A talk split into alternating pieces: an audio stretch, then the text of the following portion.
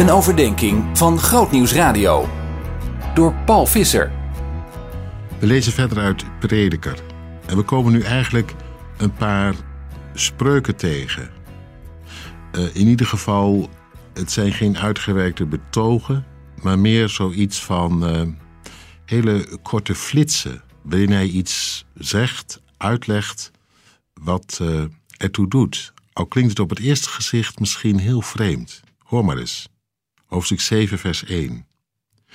Beter een goede naam dan een kostbare geur. De dag waarop je sterft is beter dan de dag waarop je wordt geboren. Nou, die eerste begrijpen we wel. Tuurlijk, goede zalfolie, zoals ze dat toen hadden, een lekkere geur.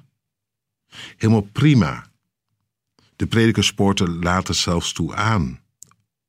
Onverzorgd door het leven gaan is beslist geen deugd. En in de relatie tot elkaar doe je de ander er vaak geen goed mee. Maar goed, dat komt nog. Nu, een goede naam beter dan een kostbare geur. Natuurlijk. Niemand kijkt daar vreemd van op. Want stel je voor, iemand loopt steeds chic en duur te wezen. Een walm van parfum hangt om je heen. Maar daar blijft het dan zo'n beetje bij. Wat stelt dat dan voor? Dan zou het toch te wensen zijn dat er iets meer over iemand te zeggen valt, dan dat hij enkel de show steelt. Mooi als je met je doen en je laten goede sier maakt en tegelijk verzorgd door het leven gaat. Maar dat tweede, de dag waarop je sterft, is beter dan de dag waarop je wordt geboren. Dat kun je toch niet maken om zoiets te zeggen? Waar haalt de prediker dat nou vandaan?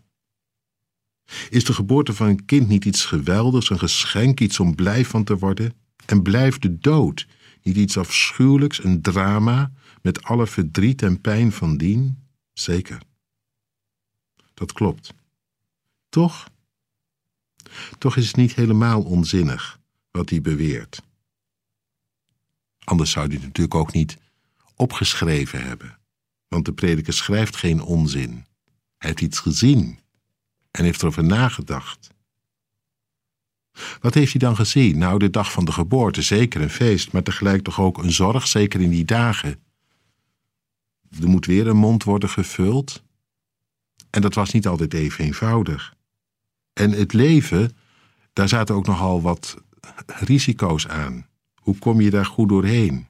Met dat een kind geboren wordt, tegelijk ook de nodige zorg. Misschien herkent een ouder het wel. Ja, zo lief als het daar ligt in de wieg, en ineens dan flitst het door je heen. Dat kind moet het hele leven nog door, met alles erop en eraan. En eens kun je er zomaar een beetje pijn van in je buik door krijgen. Zeker als je ook nog bedenkt dat het wat moet krijgen met God. En je weet maar al te goed dat jij dat niet in de vingers hebt. En dat je de wereld niet mee hebt. En de boze tegen. Vergeet een beetje te begrijpen: de dag van je geboorte is niet enkel een feest. En dan de dag van het sterven. Is dat enkel verdriet?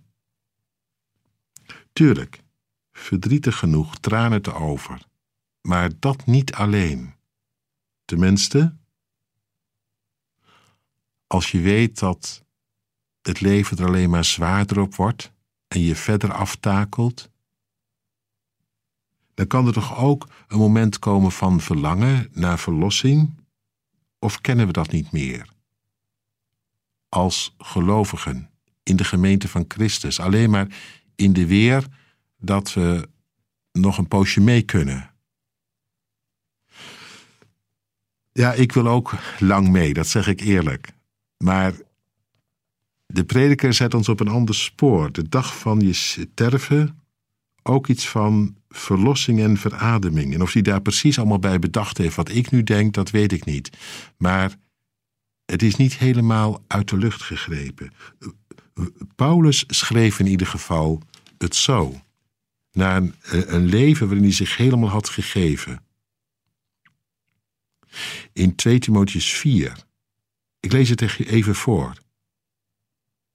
Hij vermoedt dat hij heen gaat, dat dat moment dichterbij komt en dan schrijft hij: Maar ik heb de goede strijd gestreden, de wedloop volbracht, het geloof behouden. Paulus is blij dat hij het heeft gered en dat hij er is. Paulus zegt niet: Ik zou het nog wel een keer over willen doen. Paulus heeft zoiets. Het leven was met Christus, het sterven is winst. De dag van zijn, van zijn sterven was beter dan de dag van zijn geboorte. Begrijp je het een beetje? Het klinkt raar, maar het is wel waar. Zien in nog een podcast? Luister naar Bij Jorike, de podcast, via grootnieuwsradio.nl slash podcast.